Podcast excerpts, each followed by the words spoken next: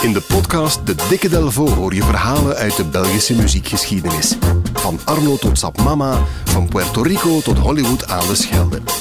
Duik mee in het rijke Belpoparchief en ontdek de verhalen achter Belgische muziekparels. Samen met Jan Delvaux, onze ervaren gids.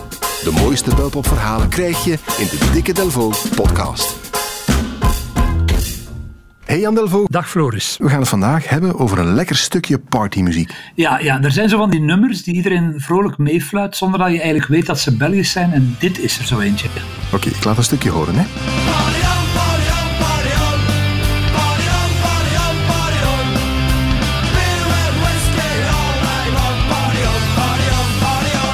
Uitgebreid te dansen, Jan. Funeral Dress en Party On. Ja, een nummer uit 2003, dus al toch bijna 20 jaar oud.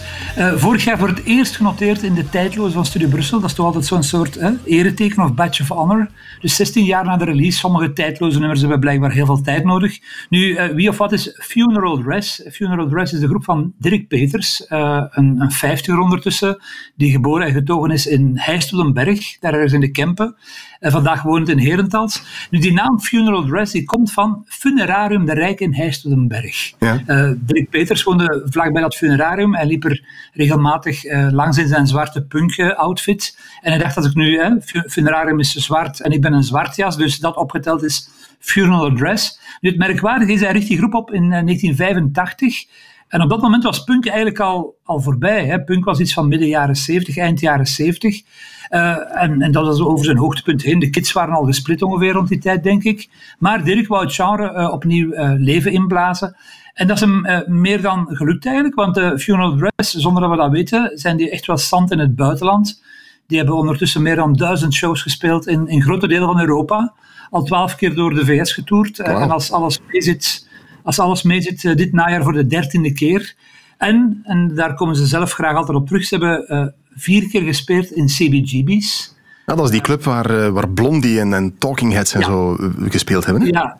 Ja, die is ondertussen helaas eh, plat gegooid. Maar dus, ja, een van de meest legendarische, uh, zoals de, de Marquee in Londen of de AB in Brussel. Dus echt een legendarische club. Je zei Blondie, Talking Heads, Ramones, al die bands zijn daar uh, begonnen in, in, aan het eind van de jaren 70. ze zijn ook te zien in, in twee films. Ex-drummer van Koen Mortier. Waar, waar ook nummers in zitten van Flip Kaulier, dacht ik, in de kids. En ze zitten ook in, in, een, in een vrij gerenommeerde documentaire voor punk, Punk's Not Dead, uit 2007 van de Amerikaanse Susan Dinner. Dus ze zijn eigenlijk wel vermaard in punkeringen, niet alleen bij ons, maar ook, maar ook wereldwijd. Eigenlijk. Zeg maar, dat, dat nummer Party On hè, is uit 2003, maar je zei dat ze al begonnen in 1985. Ja, ja, dat maakt dus als je uh, goed telt, inderdaad, dat ze dus dit jaar 35 jaar, wie had dat ooit gedacht, dat een punkgroep 35 jaar oud hè, uh, kon worden. Ja, nee, ze, zijn, ze worden 35, ze gingen dat ook vieren eind mei, maar ik denk dat ehm, dat de omstandigheden daar waarschijnlijk roet in het eten uh, gaan gooien. Ja, er was een concert voorzien in, uh, in Herentals in Zaal het Hof, samen met Red Zebra. Daar heb ik het net nog over gehad. Die zouden die avond 40 jaar Can't Live in the Living Room vieren. Die zouden daar ook spelen, dacht ik. Ja, ja, ja. En, en nog, zo'n, nog een Belgische punklegende. Ik denk dat dat nog de oudste uh, fulltime opererende punkgroep is, de Dirty Scum. Die zijn bijna 40 jaar onafgebroken al bezig. Dus, dat zijn die mannen van het legendarische Michael Jackson Fuck Off. Dat moet je misschien ooit ook nog eens vertellen. Dat ja, ja. ja, inderdaad. Ik denk dat je een heel mooie compilatie zou kunnen maken met de meest markante Belgische uh, punknummers. Voor mij blijft het vreemd. Ik ben ook al een oude man.